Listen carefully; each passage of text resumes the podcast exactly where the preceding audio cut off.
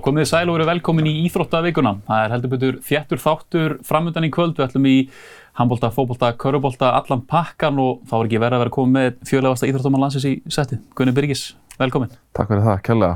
Hvernig ertu? Ég er bara frábær. Það er hérna, eins og segir, mikið í gangi í íþróttunum og þá er maður alltaf ekstra góður. Já. Það er hérna, uh, það er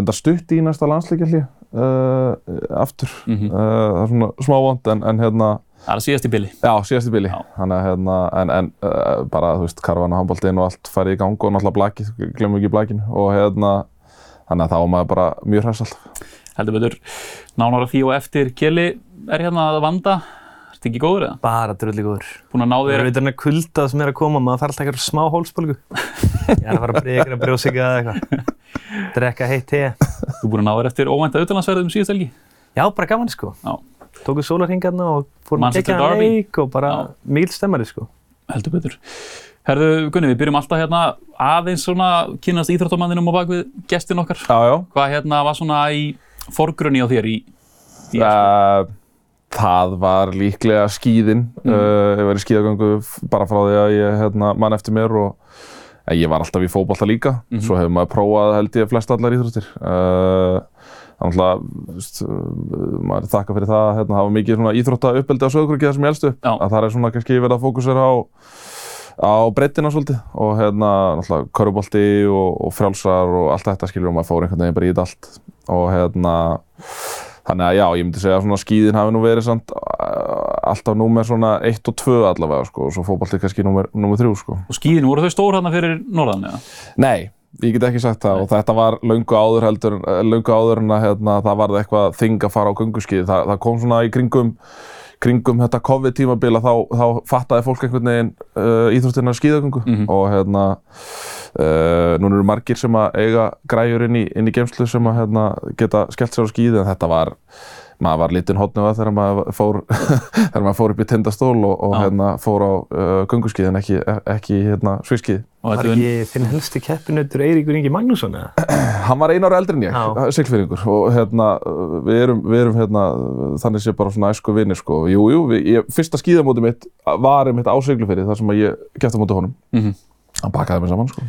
Þetta verður þetta nýst þér í, í setni tíð, þetta hérna líst hérna keppnum og, og öllu í hérna. Já, þetta er, þetta er raun og veru bara það sem að kemur mér inn á uh, rúf sko. Þa, það er raun og veru bara olimpíuleikarnir í, í Sochi 2014. Það, þá hérna, þá sæki ég um og byrðum að fá að lýsa þessu og svo bara eitt leðir öðru sko. Þannig að Svo er það Blakahugin, hvað er á baka hann?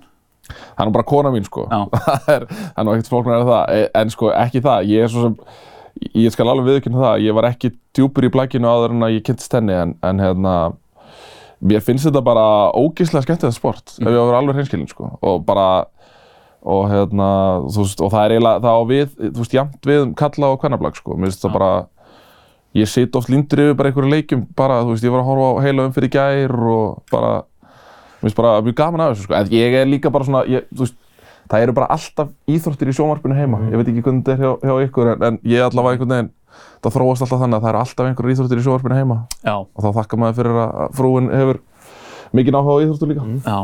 Ég get ekki sagt sjá á mér, hún er honum vel þreytt á svona bara fótbolta svona, svona hljóðinu sko, sko, sem er alltaf svona í bakgruninu sko. Þannig hérna, það er bara eins og það er. En annars, hvað svona staðsetur þig liðilega séð? Þú kendu þið ímsu lið já, já, á landi? Ég er svo sem bara þú veist, maður er bara skafferingur hérna, tindastólsmaður og, og hérna og svo er maður bara arsenalmaður í enska sko, þetta er ekkit, þetta er ekkit flóknar Það en er það ekki sko. flókið, en ekki... Smá afturölding og smá breyðabæð. Já, já, auðvitað, þú veist, eins og ég segi, náttúrulega hef búið í Mosó frá því ég flutti í bæinn 2008 og, og svo hef ég verið að þjálfa í breyðablík undarfærin 6-7 ár og bara, móttökurnar sem hefur fengið þar, bara eins mikil, eins mikil fjölskyld á það verður, sko, bara frábær klúbbur og, og hérna, maður mun alltaf vega tengingar við, við breyðablík saman hvað gerist í framtíðinni, sko. Já, þú ert búin að kveða þá í bilið ekki? Það, ma maður hefur gott að því stundum eftir, hvað, 14 ár í, í krakkaþjálfun að taka stundum smá bara pásu og sjá Algjörlega. lífið aðeins öðrum augum, sko. Nákvæmlega. Herru, kannski meira þá eftir, ef við ekki fara bara í frétti vikunar. Mm Keira á þetta, má ekki segja að það hefur búið hæsta Messi vann Ballon d'Or? Allir klálega og líka bara mikið sko menna réttlæta og svo reyðin í kringum þetta. Já, Mér er- finnst það eiginlega að vera eitthvað mest Já. og svolítið svona skikna bara á þetta sko. Mhm. Maður má alltaf slokka sér inn á bara exið eða neymið, þar eru bara einhverju gæjar brjálæðir að vera hana að unni þetta skilur. Mhm. Fyrir mér er Ballon d'Or á HM ári, HM er langt stæst sko. Já. Svo þú, þú getur hort yfir frá 98 held ég, það er eiginlega alltaf einhver í topp 2-3 sem annarkort lendir í fyrsta öðru svolítið HM. Mhm. Svo telur bara gríðarlega mikið sko. Það er mikið talað um hérna, Gunni, tölfræði Haaland á árinu og, svo, eh, og þetta séu legacy velun en er það ekki bara alltaf lægi? Er ekki bara alltaf lægi að þetta séu legacy velun? M- Mér finnst það og, og þú veist, og það er mitt, þú veist, menn hafa verið að lita það eitthvað svona neikvæðum Já. litum að þetta séu legacy velun Já. En með hvað það, Messi hefur gert fyrir bara fótboltan yfir höfuð Mhm. að þá finnst mér þetta bara að vera og þú veist, pluss það finnst mér að neyja þetta skili líka að taka þetta argentíska lið og, og, og vinna HM sem að einhvern veginn sem var svona endir sem að, þú veist, þetta var svona storybook ending sko, en ég bjóð samt aldrei við að þetta myndi gerast sko. Nei. og svona sérstaklega sem að sér að tapa fyrir Saudi Arabi og það var bara eitthvað svona, já, ok, þetta var bara fín hugmynd sem að gengur ekki upp sko, Mhm. þannig að hérna, hvernig þeir koma tilbaka og vinna þetta mót og að mínu mati spilar líka eitthvað inn í að þetta er besta heimsmeistaramót sem að ég man Já. eftir Já, samfélagi. Samfélagi. veist. Og ég held að leikur, ég held að leikur Argentínu og Hollands á þessu móti sé mögulega svo best sem er að ég- það er besti fótballtalegur Já. sem ég sé sko, Já. það er bara þannig Og svo hefur þú sama, þú veist, hefði Kristján Ronaldo unnið þetta þótt hann hefði ekki átt gott tímbil með Alna Sarið að Master United hvernig sem hefði metið þetta, þú veist, hann hefði bara skilið líka vinna, Já, sko. Það er bara hannig. algjörlega. Það finnst þau sem allir sammála því að það eru margir í kringum með reyði sko. Já, já, og, og, og þú veist, og auðvitað skilum maður það, þú veist, Holland, þú veist, hann í raun og veru er þá búinn að setja standandi þannig að allt minna en þetta, þú veist, bara tvenna eða færi mörk eða eitthvað svona, að þá kannski er case hans ekki jafn stert, en þú veist, hann hefur aldrei allavega átt jafn gott case í að, Algjörlega, algjörlega. Hann og ég held að við þurfum að fletta, sko. ég held að við þurfum að fletta langt aftur í sögubækuna til þess að finna mann í öðru sæti sem að, þú veist, hefur gert jafn gott mót Já. og hann. Já, hann vinnur þetta einhvern tímann. Já, já, það er 100%. Eitt í þessu hérna líka var að það er mikið reyð út í Fabrizio Romano. Hann þurfti endilega að vera að leka þessu Mér líka rétt. og ég er eiginlega bara sammálaði. bara þú veist þetta er þannig bara moment og einhvern veginn þetta er eitthvað sem að enginn vill vita fyrir en að þú horfir á þetta og fylgist með þessu Þetta er skilurðu. sem þú vilt ekki fá. Já, þetta er ekki frétt sem þú vilt fá tveim þreim dögum það fyrir vita allir hann er best tengdi blaðamör í heimi sko. Já, já. hann þurfti ekkert að, hann sanna það er það Nei. aldrei skúpum hver er að vinna Óskarinn rétt fyrir hans sko Nei, nei. það er bara leift einhvern veginn fólki eiga moment sem vill horfa á allt þetta sko Nei, ég meina meira þess að hérna heima með þessu íþróttamann ásins og eitthvað, þú veist, þetta leikur ekki einu sinni, sko, samt er, samt er þetta frekar lítið samfélag, sko, ákveðlega. og hérna, mikið, af- mikið af fólki sem er í samtökum íþróttafréttamanna og allt svoleiðis, þannig að, en það eru auðvitað ekkert margir sem að vita þetta, en, en þú veist, ég fatta bara ekki alveg tilgangin, ég fatta Nei, ekki tilgangin nei. af hverju að fara með í Algjörlega. loftið. mér finnst það núna, nú er hann alltaf orðin svo gríðalega stór og þú veist, þegar að félagsglugin er ekki opinn þá er ekkert rosalega mikið í gangi á Mhm. Nei, nei, hann er búin að vera með svolítið skrítin fréttaflutning bara síðustu mánu. Já, já. Alls konar málsmann er að kroppa í sko, mér er bara mjög steikt. Hann er smá orðin eins og bara almenn frétt að veita. Já, Menna, úst, hann er bara eitthvað byrta dráttin í deildabíkarnum. já, ég, ég elska hann út af lífinu sko. Já, já. Það er kannski full hart í árun að tekið en það er náttúrulega það. Og sinna á. Svo var þetta Aitana Bolmati sem vann þetta hvernan mig.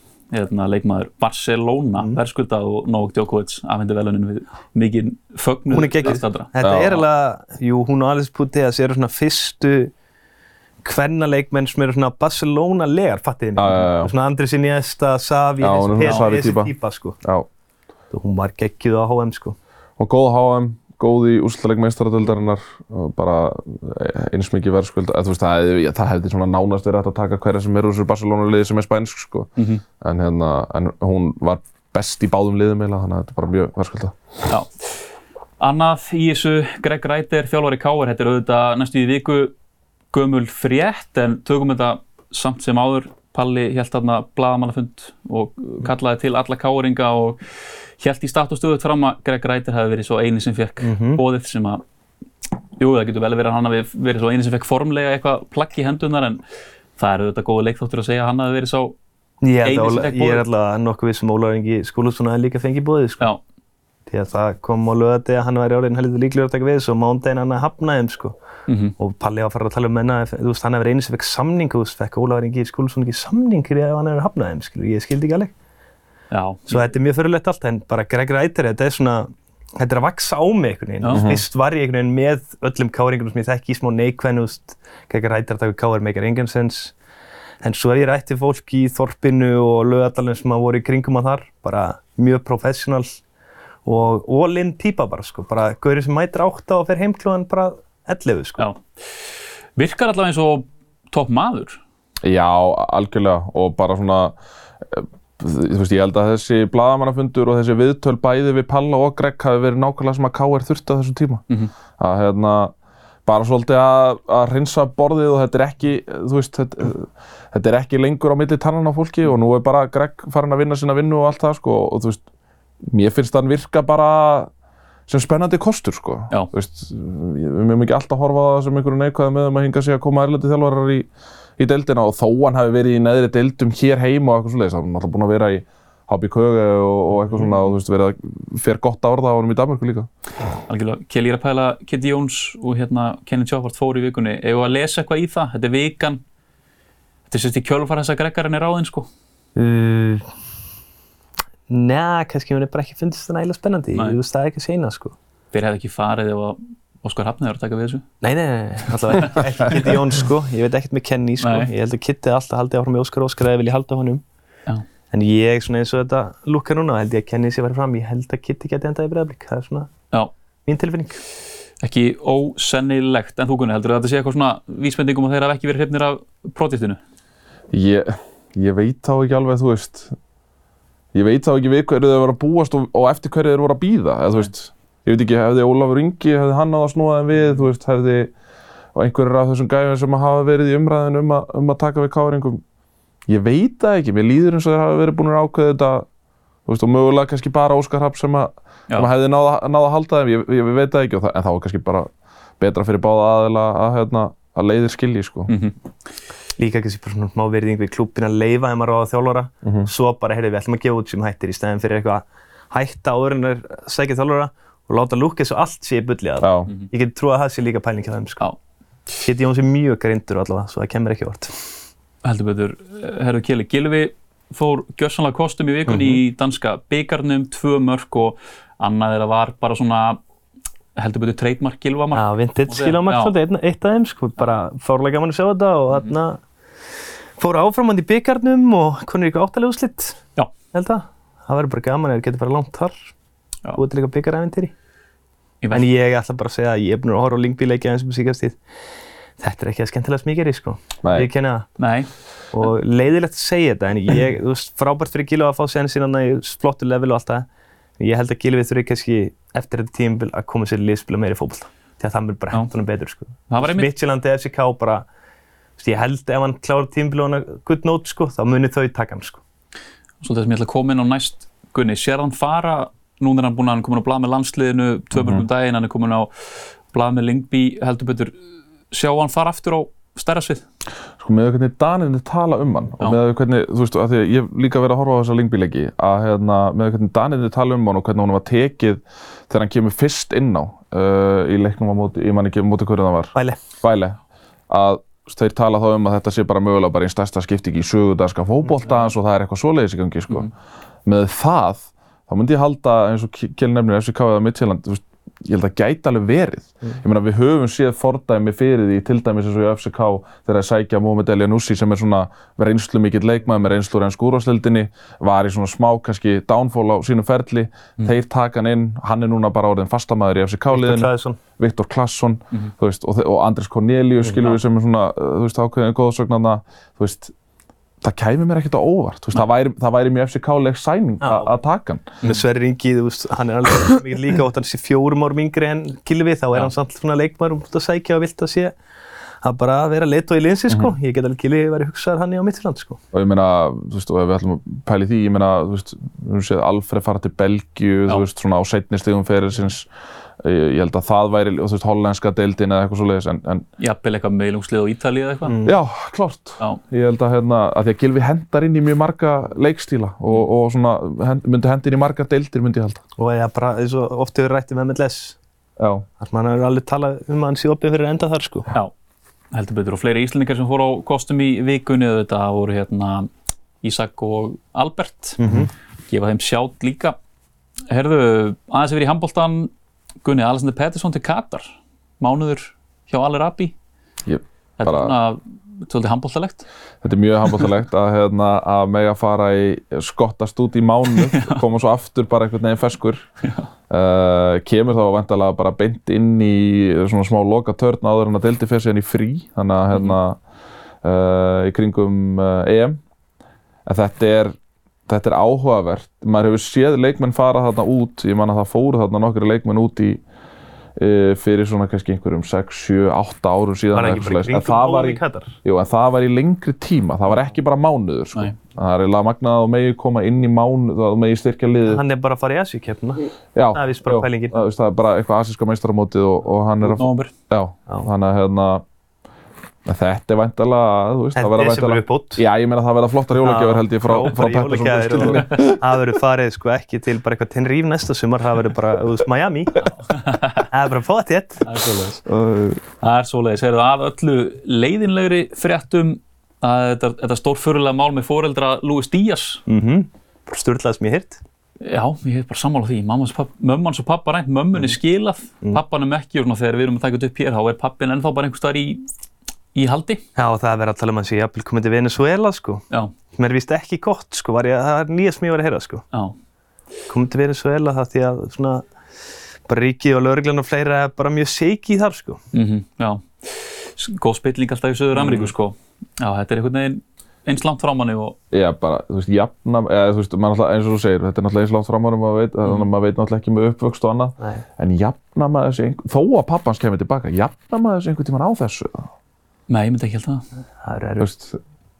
Það er samt verðum við væri samt að gera- ansans brekka ef að, ef að mamma og pappa hefði rætt hérna en, við, já, en við verðum að ge- gera greið fyrir því þess að þessi gæðar lifa náttúrulega í allt öðrum raunveruleika. Já, það er það sem ég er að segja, skilur Maður, maður áttar sig ekki alveg á því. Það er aðeins öðruvísi andrúrslofti heldur þetta í já, Suður Ameríku. Ættu við jafnvel bara gerst bara nokkur sinnum fyrir ættingja eða eða eitthvað svoleiðis. Já, Já, jú, ég held að lífið haldi áfram, en þetta er samt alltaf gott tráma, sko. já, Sama hvernig þetta fer. sko.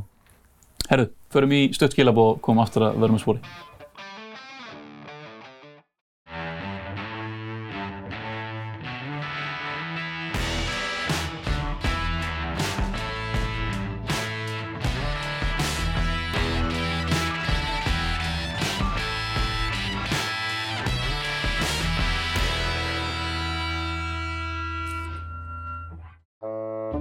Happa, óhappa.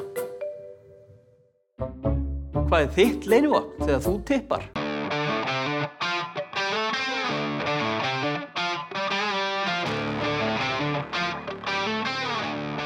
Það held ég velkomin aftur að skjánum. Ég ætlum hérna eftir örstutt og stund að fara að ræða landsleikinni á stelpunum en rétt áður langar með að spyrja þig að þú ert hérna Gunni út í Óskar Hrapp og hans nýja starf því að þú nú búin að vera í kringumundi á bleikonum lengi og þekkir til hans nokkuð vel, þykist ég vita bara í fyrsta lagi hvernig ertu, ertu spenntu fyrir að fylgjast með honum hana?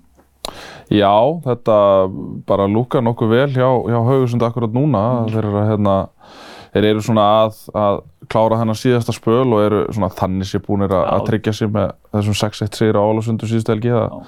Að, hérna, veist, þá, þá er þetta svona nokkurn veginn í höfna, þeir verða þarna næsta tíðumbili. Uh, og þetta lúkar bara spennandi lið, sko. Og hérna, mikill vilji til þess að, að koma sér í efri helming deildarinnar Mhm. þannig að hérna verður bara mjög fróðlegt að sjá hvernig hann mun reyða af þannig sko. Mm, algjörlega samlega. Þú hérna fylgist þetta svolítið með norska boltanum eða ekki? Jú. Ert með einhverja Noregs tengingar? Uh, já, ég, ég bjóð hana bara Já, bjóstar. þannig að hérna, það er ekkert flóknar en það sko. Nei. og hérna horfið á mikið af norskum íþróttum og meðal annars norska fótboltan sko. Já. Er þetta ekki, þú veist, jú, bara hálf heimskuli spurningin, þetta er mikið stærra svið en hann var á hérna heima. já, já, og ég meina við sjáum það bara við sjáum bara hvert þeir eru að selja leikmennina sína, hvert þjálfarar úr þessari deild er að fara, þú veist, þetta er jú, þetta er, þetta, þetta er töluvert stærra heldur en, heldur en þekkist hérna heima myndi ég held að Ég var líka að heyra þann daginn að þarna, normenn eru eiginlega hættir að láta búlja þessi í félagskiptum. Já, já, já, já. Þeir sáu hvað Danir voru byrjaðir að selja mennina og þeir hafa bara verið að selja á bara svipaða peningu á þeir sko. já, Honum við, bara nýjasta dæmi, ég meina við sjáum bara eins og Gift Orban sem að skora á móti breyðarblik í síðasta leik, uh, leikmaður Gent sem að kemur frá Stabæk já. og hvað, það var talað um að Og verða með fana talað, talað um að með á, á hérna, Gift Orban verði svona í kringu 50 miljonir Já, nokkulega. evra, þannig að hérna, veist, það, það er þá peningur í kassan fyrir Stabæk sem, sem, Já. að, sem er í brekku Heldur betur, uh, að því þú varst þannig í, í sumar í smáranum, þetta, þetta fór svona, þetta endaði ekki fyrir Óskar eins og hann hefði viljað. Ég held við getum alveg, Alls alveg sagt það. Alls ekki. Var, var súrt andrúrsloft þarna í smáranum í sumar eða? Ég held að það sé bara alltaf það sem að, þú veist, gengur kannski ekki alveg eins og menn hefðu séð það fyrir sér. Ég, eins og ég segi, ég, ég átta mig ekki á því hver voru markmiðin fyrir mót, hvernig þau breytast á, á meðan á, á móti stendur uh, en, en það að komast í reyðleikefni sambasteldarinnar missandi þrjá bestu leikmannina sína frá síðastu tímabili uh, stærsta sæningi meðist snemma. Að ég svona, ég veit ekki alveg hverja voru innistæðuna fyrir því. Nei, en, en, en jú, ég, ég held að það sé bara alltaf þannig að maður hefur, maður hefur verið á alls konar stöðum þar sem allt í einu fer að ganga illa og þá er, þá er stutt í svona pyrring og reyði og eitthvað svona og, og hérna, já, ég með ég held að það séu bara gerðar kröfur til þess að, að hérna, allavega lið það hefur verið nærið að berjast í minnst er líka- og eitthvað en, en, en ég meina bottom line er samt það að, að blikandi náttúrulega þetta eru tveir Íslandsmeistaratitlar á, á síðustu. Algjörlega og bara líka sko, veist, við getum tekið bara mjög mörg lið hérna, bara öllum deildum í heiminum bara þegar þú ert að vinna þetta kannski örsjaldan eins og við sjáum bara Feyenoord í Hollandi núna þeir eru ekki ná að verja titilinn sko, það er mjög ólíklegt eins og staðan núna. Breiðablík 2010 árið eftir langt bara frá því sko, saman með stjörnuna 2014 þetta er bara mjög erfitt svona að því að ég er núna að taka blikalið sem er bara nýr hópur allt annar en 2010 það er einhverjur tveir, þrjir leikmenn sem voru 2010 líka sko. Já. and that's it. Svo þú veist ég segi líka bara þetta eru gæjar sem þurfa að læra að vera til sko. Það er ákveðin kunst og maður sér það, þú veist, og það verður frólægt að sjá til dæmis bara eins og á næsta tíðanbili eins og vikingsliði þegar hérna, þegar þeir koma inn í, inn í þessa uh, Champions þetta, Path. Champions Path í, í Europakefni að hérna, verður frólægt að sjá bara hvernig þeir tækla það, en þe- þeir hafa sínt að þeir eru með hóp í það að, að hérna, vera að berjast á öllum vikstöðum algjörlega látum staðanum um það en förum í kvennalandslið þetta voru töp gegn Danmörk og Þýskalandi. Hvernig þú lístur auðvitað Þýskalandsleiknum. Já. 0-2 tap þannig að það kannski liggur beinast við bara að spyrja þig hvernig þér fannst þessi gluggi svona heilt yfir það er mikil jákvæðina allavega í, í hérna, viðtölum bæði við, við þjálfara og stelpunnar og mikið lákannað ekki uh? Ég, ég svo sem veit það ekki, veist, oft er þetta bara spurning um eitthvað svona fake it till you make it, sko, en, en hérna, mér fannst kannski ekkert vera neitt brjáluð inn í staða fyrir. Auðvitað er þetta betra heldur en 4-0 tapið út í Þýskalandi, þar sem að liðið láði svona ákveðnum lágpunkti, að hérna, þetta var tölvert skárra neyri, lögata núna á þriðudaginn, en uh, með þess að ekki glema því að þjóðverðir að fá 2, 3, dauða, dauða, dauða, dauðafæri á fyrstu 12 mínútonum það, má ekkert miklu mun að þessi leikur líti allt öðru sér út á skortöflunni sko. að hérna uh, leikurinn á móti dönum fannst mér fýtt sko. Já. mér fannst hann bara mjög flottur á mörgu leiti og mér, mér fannst þar vera svona kannski við, við verið að sjá það sem við höfum verið að kalla á eftir í íslenska landsliðinu að, að það sé meiri vilji til þess að halda í boltan að það sé svona aðeins skemmtilegra kannski að horfa á liðið Já, uh, en, en Þískalandsleikurinn, ég meina Þískaland eru bara já, já. á allt öðrum stað heldur við Já, við töluðum um fyrir þessa leiki kæla að þetta væri kannski spurning um að góður áningu væri 1-3 stig og það myndi þá koma út í dönum. Já, algjörlega, Það en ég talaði þess að líka um að bara framistöðunar væri kannski bara Já, já. málið sem það þurfti að horfa í og bara liðið myndi aðeins ná að halda í boltan og bara hafa þetta aðeins skemmtilega en þetta verið upp síkastið, sko, Mhm. og bæta bara sinn leik þannig og mér fannst ekki nægilega mikið um það, jújú, jú, allt er lægi og komu kaplar á móti dönum, en ég þekki góða mann sem ákvað að telja hvað Ísland myndi ná maksmörgu sendingum á móti Þísklandi. Já, Það er náða einu sinni sex sendingum á milli. Þú veist, það var eitthvað fimm sinnum fjórum. Þetta var bara ekki gott svona spilanlega séð, en þú veist, viljinn, baráttan og allt þetta, bara mjög vel gert þeim, sko. Það eru voru bara all in, sko. En þetta er ein tilraun á 180 mínútum á móti Já. Þýskalandi þannig að þú Já. veist, það er svona seg, segir svolítið allt sem seg, segja þarf sko. uh, en, en uh, þú veist, jú, jú, að vera að kalla eftir einhverju skemmtanagild og eitthvað svoleiðis er kannski svona smá hérna, hræstni hafandi, veist, ég meina það var ekki mikið kannski skemmtanagildi í íslenska kallarnansliðinu þegar það var upp á sitt besta. En, en þú veist, þeir gerðu samt sitt og, og, og voru að sína fram á úrslit og þá er ekkert þetta töða, skilur en nú erum við að horfa upp á og það sem ég hef kannski svona mestar áhyggjur af er að við erum að horfa upp á lið sem við vorum áður fyrir hérna að, pakka saman og veist, við erum að sjá bara mikla breytingu á portugalska landsliðinu sem eru bara að spila mjög skemmtilega fótbolta og við munum eftir í umspilinu þær fóru bara fyrir eitthvað illa með okkur þar Já, Uh, við erum að sjá hollendingana, þú veist, englendingana er náttúrulega frábærir, uh, Bandaríkin, Sviss Austuríki, þú veist, þetta eru bara lið sem eru bara komin fram úr okkur, sko. Mhm. Og ég, ég hef áhyggjur af því að því að við erum með, og þú veist, og eins og hefur verið mikið rætt um, sko, við erum með, við erum með góða leikmenn Mm. á, á mörgu vikstöðum í liðinu, en ég velti því samt fyrir mér, þú veist, hversu margir okkar lið hefur verið í þýska liðinu, ég veit það ekki, mögulega bara Glótis, kannski Karolína, Já. en hérna, og svo náttúrulega munar um að, Sveindi sé ekki með. Já, klálega. Bara erfitt að vera með leikmann einhvern veginn sem er alltaf að bara bomba inn fyrir á eða setja hana á og hún getur hlupið þrjár, fjórar að sér og allt í henni bara að vera ekki með hana. Það er rosalega mikil munur um að sá það bara leikliðsi, sko. Já, en mér finnst eins og þú segir að þetta sé svona önnuleik komin fram úr okkur, mann finnst þetta svona ákveðin stöðnun sem að mann finnst líka vera í svolítið deildinni hérna heima sko. Já, Svona, algjörlega. og vera eins svolítið í svona tíu ár Mér og meðan Á meðan að, meðan að önnur, Já. önnur lönd eru bara að átta sig og eru að setja meiri pening í þetta já. það, veist, og það er bara, það settur meiri fókus í það að verða betri á þessu Já. sviði. Lið átta sig á því að þau get ekki bara verið með frábært kallalandslið og, og, og, og kvennalandslið sé svona eftirbáti þess sko. Mhm. Það virkar bara ekki lengur. mér finnst ég mest bara að sjá veginn tæknilegri getu, sko. Þa, það er bara nummer 1, 2 og Já. 3. Það er nummer 1, 2 og 3. Það, þú veist, ég er ekki að klína ykkur á þalvar á Íslandi en ég held að bara sambandið og allir saman þurfa að setja meira púður í það hvenna megin, sko. Sammála því, herru, myndum hvað okkar í cross, förum í handbóltalandsleiki Kalla sem eru framöndan, það eru tveir viðnátturlandsleikir Já, viðnátturlandsleikir þetta er erfitt orð.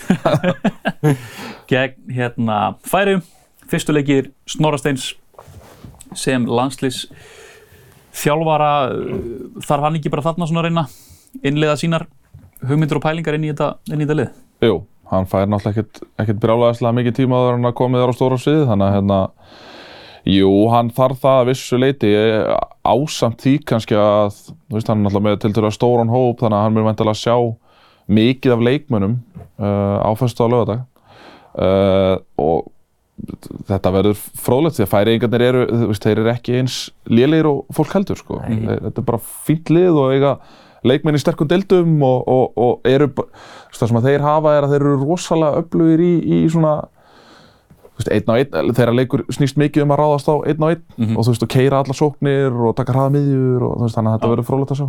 Já, ég ætla bara að sitja einn á viðkynna að ég er bara spenntar við færiska liðinu heldur en íslenska í þessum leikjum þóttu þessi fyrsta leikið snorrar, sko. Já, Maður er búinn að heyra aðeins um Elias Ellison og Skipagötu. Óli Mittún, Já. Hákona Teigum sem er allir að spila í flottum liðum. Já.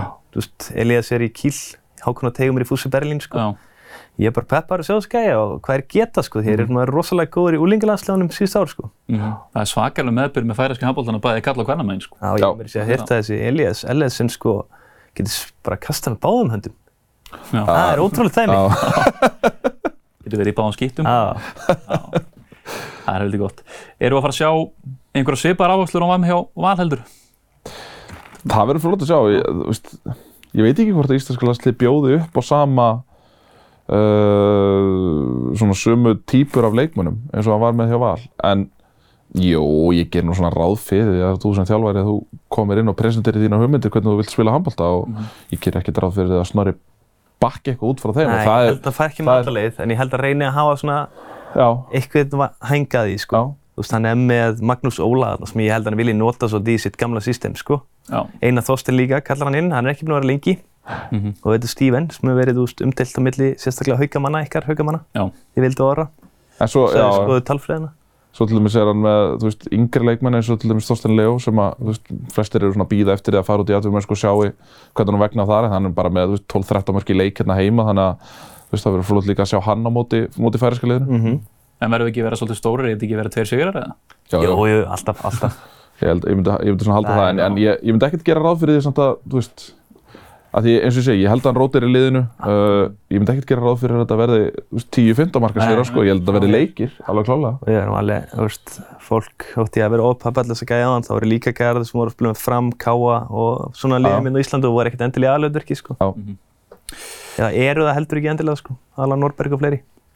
kannski bara líkur beinast við að fara þá í handbóltinina heima sem að þau eru þetta farið vel af stað þó á svona segja utanvallar umgjörð sem að er búið svo sem fara búið að marktyggja Mm. sem er gaggrínt en bara hvernig hefur þeir svona fundist tímabilið það sem að er? Þetta hefur verið fínt finnst mér að hérna er svona böggar mann, sjá, böggar mann smá eins og þú segir að hérna, þú veist, maður er ofta alltaf að stilla inn á leiki og kannski, þú veist, sé þá bara miðjuna eða eitthvað svoleiðis, en þetta er bara eitthvað verk í mótun og þú veist, verður betra, ger ég ráð fyrir uh, en mér finnst, þú veist, gæðin á deildinni finnst mér hafa aukist og þau, þú veist, mér finnst hún alltaf vera að verða betra og betra og við erum að sjá það líka í þessum Evrópuleikjum hjá liðunum að, að hérna, það er mjög augljóst að íslensku liðin eru að komast tölvert nærði sem að þekkist í þessum deildum kannski í kringum okkur Mhm. þú veist, þá erum við að tala um kannski fyrir utan toppana í þessum deildum að þá erum við kannski að hérna, eins og eins og þessi norsku lið sem við höfum að vera að vinna og svo náttúrulega frábær sigur hjá, hjá FH út í Serbíu Já. Uh, en, en svona heilt yfir þá myndi ég segja að þetta sé bara geggjað og, og líka sérstaklega eins og ef við tökum bara kalla megin rosalega jæmt, mörg lið sem að er að tapa stigum óvendu stöðum, er að vinna þú veist, hvort annað og, og svoleiðis að hérna, bara nákvæmlega sem maður vil hafa það, þú veist, jæmt og spennandi sko. Þú segir verk í mótunni, ég ætla að grípa það inn í. Mhm. Mér finnst þetta bara ómikið sens að taka á þessum tímúti. Já, Við erum að fá Aron Pálma inn, Alessandur Pettersson og bara með hörku deild í gangi. Það valur hérna með fullt af flottu leikmennum sem eru svolítið eftirsóttir og verið mikið talað um síðustu ár. Þetta bara, þú veist, ég held að þau eru bara að stoppa inn í þarna, þú veist, annarkvort það rúfa að taka við þessu að stöðu sport og er ég bara að vera smá leiðilegur, sko. Já. Og kannski bara, ég ætla ekki að segja að veri síndir allir leikir í hverjum umferð. Það er kannski þetta að mixa einhvern veginn upp að, þú veist, það er einn leikur í viku, skilur, og svo verða hinn bara YouTube eða eitthvað hann, því YouTube-auðlýsingarnar, YouTube-auðlýsingarnar, útsendingarnar eru sko miklu betri heldur en þetta. Sko, þess að maður sér allavega leikin. Málið er að þetta system og þetta kerfi uh, að vera með þetta rafrænt með, hérna, með, þú veist uh, robotakamerur þar að segja sem að trakka bolta og annað. Þetta er kerfi sem að þekkist víða. HSI flaskar því að þeir fara í, í raun og veru aðila sem að er ekki með reynslu úr svona útsendingum. Mhm. en þetta er uh, þú veist, mikið ísokki á Norrlöndunum, bæði í Nóri og Svíð Þa, þar er þetta svona og þar er þetta meira þess að ennþá þróara, þar er þetta bara með þetta í einhverju appi, Já. þú getur séð bara highlights og leikjum strax og leikurinn er búinn þú, veist, þú getur séð mörk, þú getur valið leikmann og valið bara mörk hjá honum veist, og eitthvað svoleiðis. Og þetta er bara allt svona einhvern veginn og þá er það bara í gegnum einhverja tölvu sem einhver þarf að manna skilur það er þá einn maður sem að sér um alla útsendinguna. Uh, já, ég, ég verð að segja að hérna, þetta er, þetta er svekkjandi en ég held, eins og ég segi, ég held að þetta verði betra Mhm. og þú veist, og ég ger eiginlega bara ráð fyrir því að þegar það er komið sem að reynsla á þetta eftir áramót þá hlýtur þetta að vera bara allt upp á tíu já. sko. Það er alltaf eitt í vist að þetta þarf að vera klárt fyrir. Það er bara getið. já, já, þetta verður það þetta verður það, þetta verður það Annars munir held ég sjálfur bara grípa inn í og vera með eitthvað mann á stannu þessu stjórnarúsendingunni, sko. Já. Pottet. Þessi innkoma Arons og Alexanders sem við töluðum um áðan, hérna, sem við farum til Kata núna, en það var þetta það sem var að tala mest um fyrir tímabilið. Hvernig hefur fundist þér koma inn í þetta? Ég, ég held að þeir báðir hefðu kannski viljað koma mér í trukki en, en, en sko það, það skiptir einhver máli fyrir en í veist, mars eða februar eða eitthvað svona skilur það, það skiptir einhver máli fram að því og þarf það svona einhvern veginn að sigla leikna sjó Mhm. vera helst topp fjóri kannski og vera með heima allar Já. réttin en, en þú veist, þe- þessi gæjar þeir stíga upp þegar að, Mhm. ljósin verða hvað skærust sko. Já, Svo það er nú getur bara ég líka sagt að það eru búin að vera tveir stóri, eða þrýr stóri leikir á FA í vetur. Það er Valur, það er Afturhaldík og það er IPF. Aron er búin að vera mjög góður í temaðin. Mm. Það var ekki góður móti Val, bara stundum er það hannig. Hinn er leikinn sem hann er að spila þarna og hefur verið meittur í skiptir einhver máli. Nei. Það þeir vinna, sko. Bara, Er, er, þetta eru liðin sem hann er að keppa því, sko. er Valur ekki ennþá besta liðið þó Arons sé komin í að það? Ég, held sér besta liðið. já, jú, ég myndi halda það FA er með betri einstaklinga, held ég, sko. Já. já. Það er alltaf mín tilfinning með Aron sko. Og Valur er líka bara með mann sem að mér finnst vera þrátt fyrir að að Aron sé kominn, þá er hann einhvern veginn svona, hann kann best á þessu deild, það er Magnús Óli. Hann er bara rosalegur í þessari deild. Róbert Aron er svolítið svipið típa líka sko. Þeir hafa spilað einna lengi og þeir vita hvað til þarf. Ég held að Aron þurfi einhvern veginn bara svona að átta sig á því og lefa vetrinum að líða hvað þarf til sko. Já. Uh, en þessi lið sem koma hann á eftir, við erum að tala um, þetta um hérna, FH og Val núna, afturhelding, haukar, uh, Já. kann þetta líka? Alveg klárlega Já. og, og þú- veist, lið sem hafa verið að glíma við eitthvað smá meðslum og eitthvað svona og ég meina, þú veist, við höfum alltaf séð þetta, það er alltaf einhver lið sem að taka eitthvað smá rönn fyrir úrslutakeppni og ná mögulega kannski einhverju svona byggar áhlaupi líka, þú veist, og það svona gefur mönnum síðan búst inn í restina af tímabilinu, sko. Þannig að, já, ég held að, ég, ég, veist, ég held að séu veist, það er erfitt að velja á milli þessara fjóra liða ef ég ætti að, ef ég að velja akkurat núna sko. Veist, það er mjög erfitt að velja á milli þessara fjóra liða sko. Við erum reitt að þessum. já, ég, já, ég hugsa það Já. bóttið. Heldur betur. Ég hef ekki trúið maður vill samt alltaf hafa eigamennina Já, já, algjörlega bara búið stemmingu. Bara upp á Ég hef bara ekki nægilega trúa. Nei, nei, ég er úr samanlega. Ég held að þeir séu, ég held að þeir séu aðeins svo langt frá þessu, en, en stert hjá þeim að vinna val um daginn. Uh, þú veist, mér fannst það öflugt. Uh, þannig að, já, þetta er bara, ég held, það er mjög erfitt að velja Íslandsmeistara akkurat núna. Ég held bara að það sé ekki hægt, sko. Nei, það er bara, þá eftir að koma öll Ákvæði nú inni líka. Háká, já. Þeir eiga nóinni. Já, þeir eiga nóinni. Já, já, já. Er það Júla Flosa inni? Jón Flosa Eiríks, hérna, Formans Breðablís, hann er bara mittur, sko. Já. Sáu hann í fyrsta leiknum mútið haugum, hann er jarðaðavalið, sko. Já, þeir hérna eru unn okkur í fyrsta leiknum. Já. Já, það er ekki nóg gott. Eiga hann inni. Heldur betur, köruboltinn.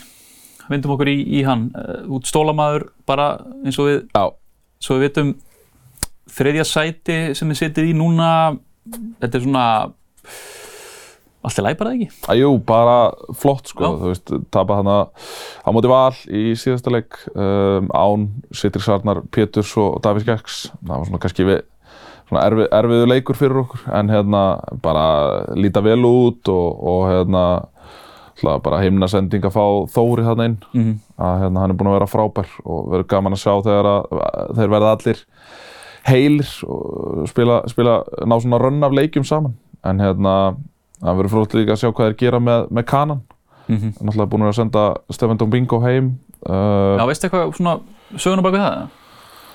Nei, nei, nei, maður heyrir alltaf ímislegt hérna, eitthvað svona köruboltaslúður sko, en, en ég er svona átta mikið alveg á því akkur, að því að hann var í stúkunni til með bara eins og á móti val sko.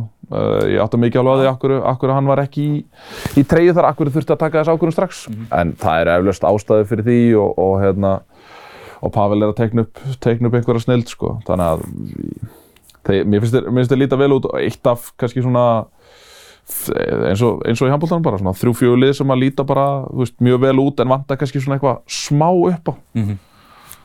Það er ekkert lið sem er eiginlega fullmótað Nei, finnst mér það er svona vantar öllum liðum eitthvað eitt púsl í liði sem til að vera perfekt. Já. Fullmótast liði er kannski bara ángriðs áltanis. Því ég veit ekki hverju þeir eru að bæta inn eitthvað til að bæta sig eitthvað, það þurft að vera eitthvað sleggja sko. Já. Kelly, ég veit að þú ert með þér fyrst kannski stólanir aðeins síður enn í fyrra. Já, aðeins, bara það er bara út frá því að missa Kísjón Woods og Theo Badmus og inn í stæðin koma Callum Wilson, nei Callum Lawson, ekki Callum Wilson, hann er í Newcastle. Callum Lawson og Þórir.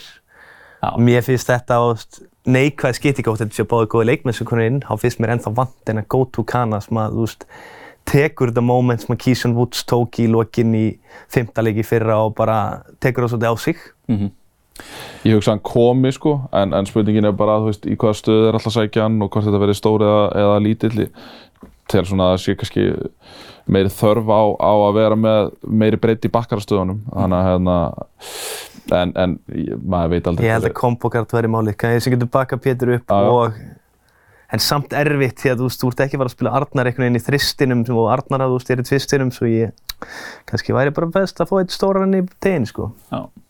þetta verður frólægt að sjá hvernig það þróast allavega hans er að mínu menn í haugum eru miða deild og ég veit að þú og Matti Dalma eru miklir mátar. miklu vinnir, miklu vinnir hvernig hérna, þetta er samt bara svona alltilega ekki gott kannski það sem af er. Já, já, ég held að það sé alveg óhætt að segja það. Já. Hann er náttúrulega, þú veist, með bara algjörlega nýtt lið í höndunum, þú veist, lendir í því að, hérna, að bara, þú veist, góð framistað á síðastu tímabili í hungu leikmönnum hjá honum er í raun og vera að verðskulda það að þeir fá skrif út í atvinnumennsku og það er bara frábært fyrir íslenska körubólta, leðilegt fyrir Matti Dalma yfir minn, en hérna, en hann er svona að reyna, reyna að byggja upp nýtt lið og, og er svona að reyna að halda í þessi sömu gildi hjá sér og annað og þú veist, mér, mér finnst þeir líta vel út þeir, það var þessi leikur hérna á móti uh, hvað var það, Njarðvík Já, Njárvík, Já. töfðu þar. töpuðu, að hérna líti ekkert alltaf vel út þar en svona, mér fannst sjá svona aftur það sem maður sá í, í fyrsta leiknum á móti blikum, í síðasta leikum á móti Hamri. Og ég held að þeir verði alltaf veist, betri eftir því sem að, sem að líður á en veist, ég, ég, ég held að ég held að sé óhætt að segja að bæði haukarar og maður hefðu viljað vera á kannski aðeins betri stað núna.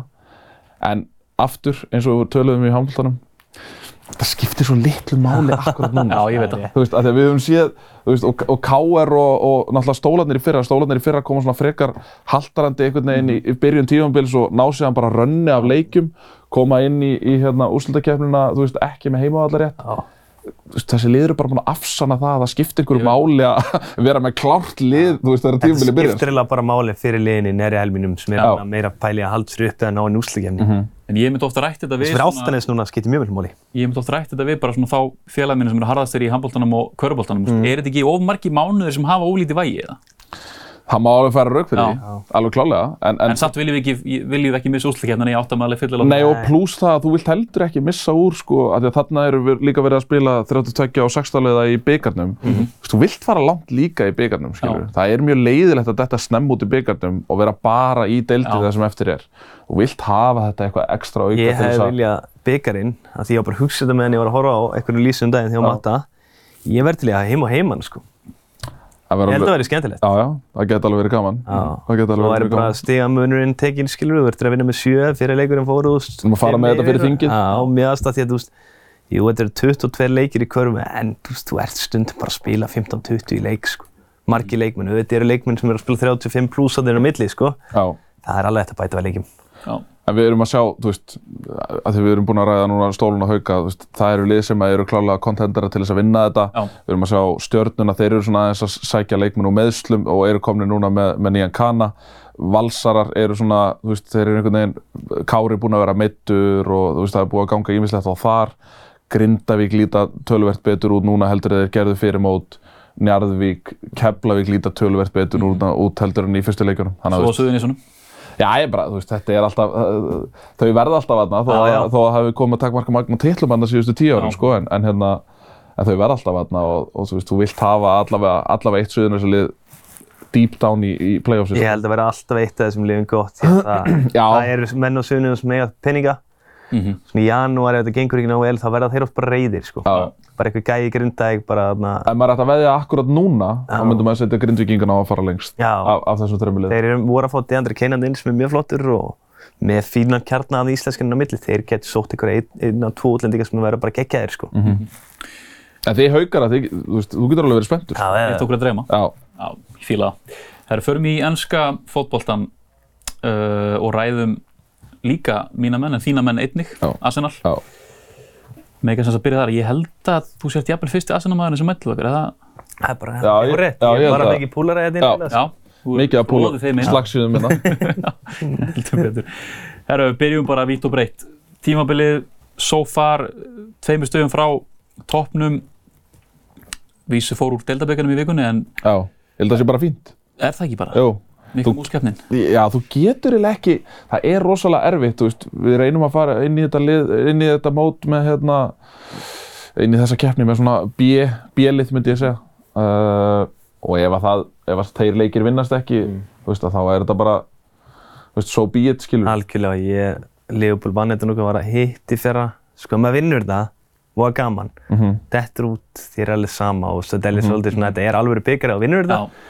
Ef þetta er út þá svona, á grípa menn oft í hérna, þetta er bara hérna Mikka Mús eða þú veist. nákvæmlega.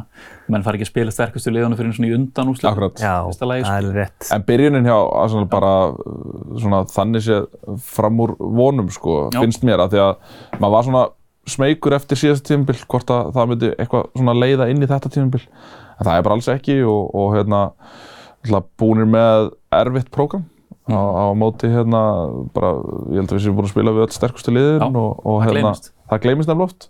Þannig að núna förum við að sækja þessi auðveldu stig. Já, og manni finnst þér eiga ótrúlega mikið inni í spilamennsku Já, líka. alveg klárt, alveg klárt mál. Og, og hérna svona kannski aðeins verið að finna svona sitt besta, besta, besta lið. Tómas Partey er búinn að vera meittur og, og hérna, lengi að koma Gabriel inn í þetta og, og var svona að reyna ímislegt þarna til að byrja með en þetta er svona á, á réttir leið finnst manni núna en, en ég hef ágjur af, af uh, Eddie Nketiah að hérna, þrennan í síðasta leik muni, muni hérna, lita, lita svolítið liðsvali núna næstu 10-15 leikina Þú ert ekki fan?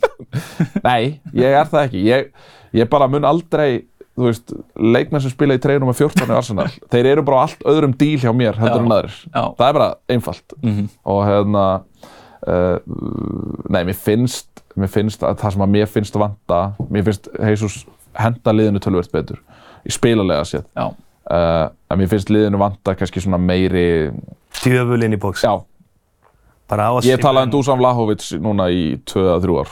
Já, ég er ekki seldur á hann reyndar.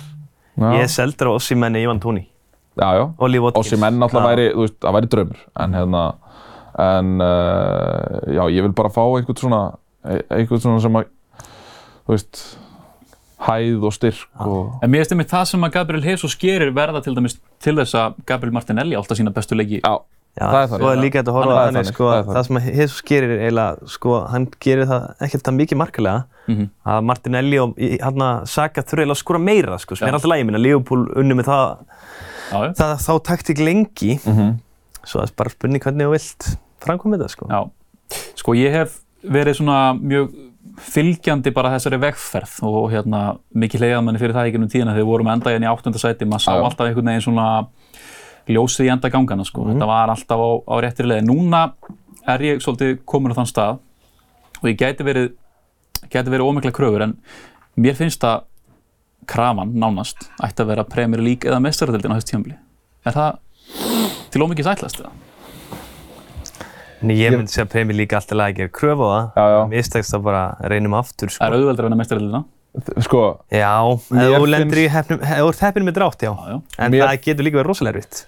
mér finnst þetta lið ekki vera í jafn miklu win-now-prógrami og til dæmis uh, Manchester City, Mhm. uh, United má taka líka, ef við, tökum, ef við, tökum, ef við horfum bara í aldurinn á liðinu, Mhm. allar sænings fyrir þetta tímabil, allir leikmenn sem eru fengnir inn fyrir þetta tímabil, þetta eru leikmenn 21, 24, þú veist, þetta eru leikmenn, þú veist, það er verið að kaupa Jurian Timber frá Ajax, það er ekki verið að kaupa úr topp, topp, topp hillu sem gefur það svona kannski til kynna að þeir ætla líka að vera klárir að þegar Pep fer frá Manchester City einhvern tímann, það mun gerast á einhverju næstu árum að þegar Pep fer frá Manchester City þá verða þeir klárir í að taka yfir. Hvort það gerist núna, veit það ekki. Þú veist, ég er alls ekki að segja annarsæti er bara eitthvað ræðilt tíma Nei, nei. og allt þetta át, en þetta er meira ég skil svona- hvað þú meinar, maður er farin að vilja eitthvað stórt, Já. sko. þetta er svona, maður er komin á þann, það má alveg fara rauk fyrir því maður hefur verið þólimóð lengi. já, já, já, já. trúðu mér það var Champions- verið þólum og lengi Champions League er samt erfiðan að þú heldur, sko. já, Hvað hafið unnið hann oft? Akkurat núna. Já, hvað, hafa- þú veist, hvað tók að sitt í langa tíma að vinna hann oft? Þetta er bara kunst. já, Já, já. Þetta var, hún heldur nátt í 2006. Ma, ég veit ekki hversu oft maður sé myndin af Henry hérna við hotfánan, 77 minútur búana, Jesus Christ. staðan 0-1, bara að gefa henni martraðir, sko. Mm -hmm, það er síðast sem ég greti í hófaldaleik þá Já. greti og, og hérna, sparkaði, sparkaði sjónvarp og hörður og Og þetta er einmitt svona beauty við það er svo mikið undir að verða svo mörg svona moment. Já. Leopold, Barcelona, bara, veist hvað, sturlun var það. Já, Þú veist, allt líka Madrid, Real Madrid líka. en ég líka svolítið bara að meina því að City er þetta hálfpartin óvinnandi við í deildinni, sko.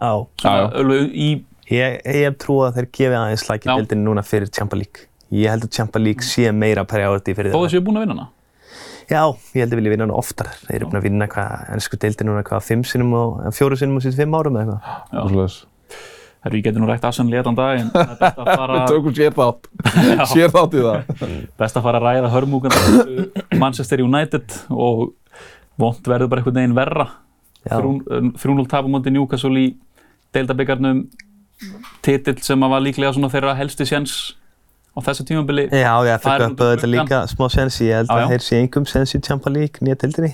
Nei, deildin Mér er farin. bara, ég fór á leik um helginu og ég var eiginlega, þetta var lélæra enn í held sko. Já, Það var alveg bara sjokkrandi að sjá þetta sko. Þegar þeir fóru á breykið, ekkert rosalega líklegir sko. Mm. Ég hafði ekki mikla trú að þeir var að fara að skora sko. var þetta verra svona við byrjum augum með það?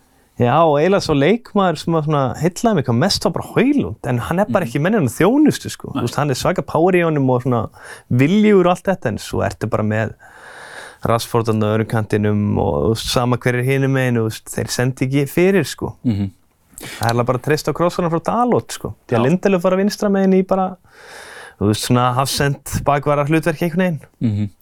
Mér finnst eitt svona galnast að teiki í kringum United þessa dagana er hvað þetta er allt bara eigendunum að kenna sko.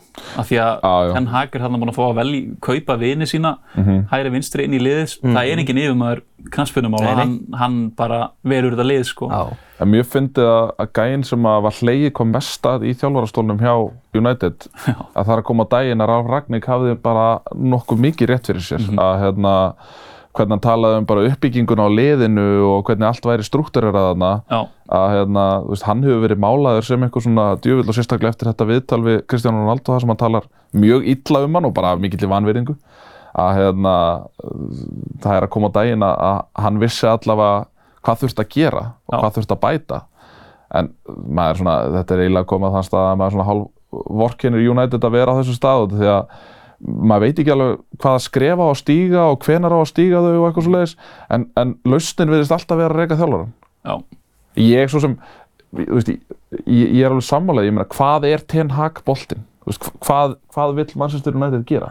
Ég held að sé samt líka vandamáli bara leikmennir eru svo mikið bara eitthvað. Mhm. að það er ekki hægt að spila neitt fótbolta sko, sem er sérstakann. ímyndaður alla þessa gauðra sem hefur verið eitt alveg fúlgum fjári í það verið bæði að tala um laun og, og, hérna, og, og líka bara keiftir leikmenn. Þú veist, hvað hafa Jadon Sancho og hvað hefur Antoni, Anthony og Mason Mount og Aran, Casemiro. uh, Varane, Casemiro sem er fengið hann inn fyrir fúlgum fjári var þetta frábæri fyrra en veist, samt hann er komin á aldur. já, já, sattur. já, já. Hún er að meittur. Já, já.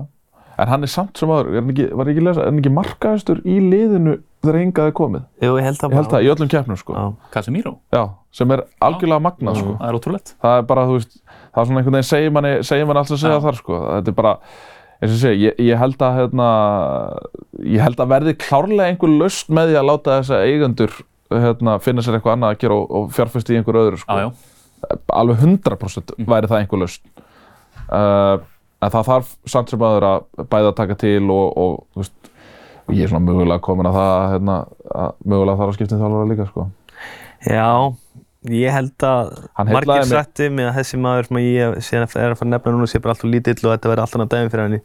Þegar Serbíu myndi líka bara koma með fílgundfaktor inn í það. Já, ég held Svo hann að er með drull saman, hann spila bara Brasil, hann bílast að fótbolta bara stemmari. Sko. Hann getur gert það með sko Tis Milner, Joel Veltman, Billy Gilmore, þú veist, okkur á hann ekki getur gert það með þessa Manchester United leikmenn og svali ykkur úr þessum 20 manna hóp til að bara spila sér bolta, sko. Ég en er það ekki bara sama á Graham Potter Eða, veist, var það ekki pælingin með Graham Potter í Chelsea eða? Jú, ég held bara að De Serbi sé miklu meiri töffari. Ég held að hann höndli þetta miklu betur, sko. ég held að, Hann virðist eitthvað vera svo harður og Já. með þetta og ég hef mikla trú á hann. ég held að Zidane eða einhver af því kalibri væri svona kannski eitthvað sem að Manchester United að, ætti að fara í sko. ég, ég reyndar skildi aldrei af hverju þið litu Solskjær fara Nei, veist, það var svona, mér fannst það, mér fannst það að vera að því að maður hefur séð það meira og meira að svona þessi mannlegi faktor í þjálfurum að þessi þjálfarar sem eru núna að koma upp að þú veist, þeir eru, þeir eru góðir á blaðamannafundum þú veist, þeir eru góðir að tala við leikmennina sína og maður hefur séð það í þessum, eins og þessum all or nothing þáttum sem maður hefur fengið að sjá Pep, Arteta, þú veist, þetta eru bara gæjar sem eru, eru góðir að stýra hóp já. Ten Hag, ég fæ ekki sama væð frá hann Nei, ég er sama hér. Algjörlega. Erum við þá á því að hann eiga að fara út eða? Gefum þessu kaupmannhamnarleikin. Já, fúllega um helgina. Tapa Það mútið það. kaupmannöfn og þú veist, þá er þeir svona þá eru þeir eiginlega bara þá, semi út, sko, þar er ég að leik við bæinn munni en já, Lifir hann aftur úti. fúllega um helgina? uh, Já, Það er nei, nei, ég- nei, nei, ég held að hann lifi það ekki. Ekki? Ég held að hann lifi það ekki svo er hann eiginlega bara beint farið til köpen, sko. Já, já. Svo ég held að geta mögulega að lifa það af og svo köpenleikurinn tekin ákvörðin eftir hann. Já, já það er ágætis. Ég held að það sé möguleiki. Geti, geti vel verið. Meir í þessum helginu þetta, hérna, Tottenham Chelsea, stórleikur, mm Mhm. uh, Tottenham er bara sigurstranglega þar, eins og staðan í dag. já. Miklu, miklu. Chelsea liða bara algjörlega upp og niður og engin stabilitet þarna, sko. Mm Luton Liverpool bandi hlýtur að fara á sala í Fantasí þessa helgina, það ekki það? Jú, það er orðið helviti líklegt. Þetta getur verið ljótt held Ég ég. er svona brett mig mikið á að taka það af Haaland, sko. Já, já. Það honum, sko. Ég reiknaði það ég reiknaði ekki að hafa góð maður sem reiknaði fyrra sko, þú hefði bara grætt meira á því að hafa bandi allan tíman á Holland heldur en að vera að svissa í okkur aðra sko, Já, ég held að það sé hárið, sko. Ég að En er, en er ekki, þú veist, þarf maður ekki þarna að vera sniðugur líka? Er ekki allir að fara að setja bandið á einhvern liðumann allavega? Jú, jú. Líka- Það er ekki bara alltaf er einhvern veginn anstæðingur Luton, Það er alveg bara salan anstæðingur Luton eða Sheffield United? Ah, Þeir allra klikkuðustu farið Darvin Núñez Já, Ég held sem við komum með helst, en langaði að koma inn á bara að var áhugur þessi dráttur í deildabíkarnum fyrir áttalústlina. Einu liðin sem er ekki premjör líktróð saman. já, Middlesbrough og Portugal. Já, Það var gaman að fá Portugal inn í undanúslit hérna. það væri mjög gaman, sko. Það væri mjög gaman, en ég, þú veist, uh, Leopold ætti að labba yfir þessa keppni svona uh, Já. fyrirfram hann á líka litið, svo sko. samt þú veist, mæta Newcastle úsluleik, liðsum vill þetta ógeðslega mikið. Já, Ég held að það getur orðið mjög erfitt. sko. Gæti líka orðið svona, hvað maður að segja, stórt svona stepping stone fyrir Newcastle Já, í þessari er vekkferð sinni að taka titil, sko. Og þeir eru bara hörku erfið að eiga við, sko. Mhm. Gott lið. Herru Kjeli, við ætlum að fara í langskotu og döðafærið í bóði lengjunar og mm -hmm. verðt að minna það í leiðin að við erum auðvitað í bóði bóla hérna líka. Já, það er okkar menn. Það er okkur menn. Þeir halda okkur gangandi. Já. Heyrðu, byrjum á döðafærinu. Eins og vanalega. Þetta er mjög erfið helgi. Ég ætla bara að taka það fram. Já, En það voru þetta oft skemmtilega. Er Nottingham Forest Aston Villa. Ég er með tveir þar, 1.73 Aston Villa. mhm, Mér finnst þetta bara það góða raun og þótt þetta sé erfið völlur og held ég að vinna þetta sko. mhm, Heyrðu, maður sitt í á bormað um helgina. Ég held að þetta verður svona klassísku sitt í leikur að með taka bara minna lið 5-0. já, Mínus 2 þar, 1.71. Svo er ég með Everton Brighton og þetta Sean Dice ekkert svo sóknar sínaðast þá finnst mér einhvern veginn Brighton bara alltaf bjóð upp á mörki í sínum leiku þeir bara annarkur skoraði sjálfur og þá þurfa anstæðingur að skora og opnast meira og það er yfir 2,5 manna. 1.47 frekar lágstuðl á eins og sjá að þeir skora alltaf frekar mikið. Hildastuðl 4,35 Já. bara frekar góður já, mjög góð. dauða fyrir stuðl Heyrðu, langskoti þessa vikuna er mjög erfitt og skemmtilegt og ég bara segja að þetta er ekstra mikið langskoti þessa helgina. Já, það er sótt. Já, byrjum á Luton Liverpool, þar er ég með Darvin Núñez skorar á mark, já. Mhm. Ég held Darvin Núñez haldi áfram svona þessum feel-good faktor sem hefur yfir honum. Tottenham Chelsea, þar er bara með eitt Tottenham, já, það er bara góð stuðl og það er bara tveir í stuðl. Mhm. Þú veist, Tottenham er stað núna, ég heldur sé ekkert að fara að tapa að gera jættiblið Chelsea, sko. Brentford Vestham, sástu tölfræðin í vikuna Brentford tapa eiginlega aldrei London derbys. Bara ekki gert það 13 skipti röð. Ok, ok. Já, þess vegna ætlum ég bara að taka gamla Það eitthvað X þarna. Mér finnst það bara góða stuð, 3,26. Heyrðu, nú telja, telur fólk með klikkaðan. Börnlega vinna Krista Pálfsmerkina. Ok, Bara ég hef því. tilfinningu, 2,58. Já. Og svo er það síðasti leikurinn, Sheffield U á móti Wolves. Ég held að Wolves vinni hann 1,86 og þetta er stuðl á 57,88. já, Bara hæsti stuðl sem hefur verið með held ég. já. Það er, Enda er þetta erfiðið seðl og þetta, þetta verður rússibanni fram og tilbaka. þú þarf ekki marga þúsund kallar til að þetta sé orðið miljón í Nei. return, sko. Það er á rétt. En heldur betur, Kjeli, er ég nokkuð að glemja ykkur stórvægilu eða? Ég held ekki.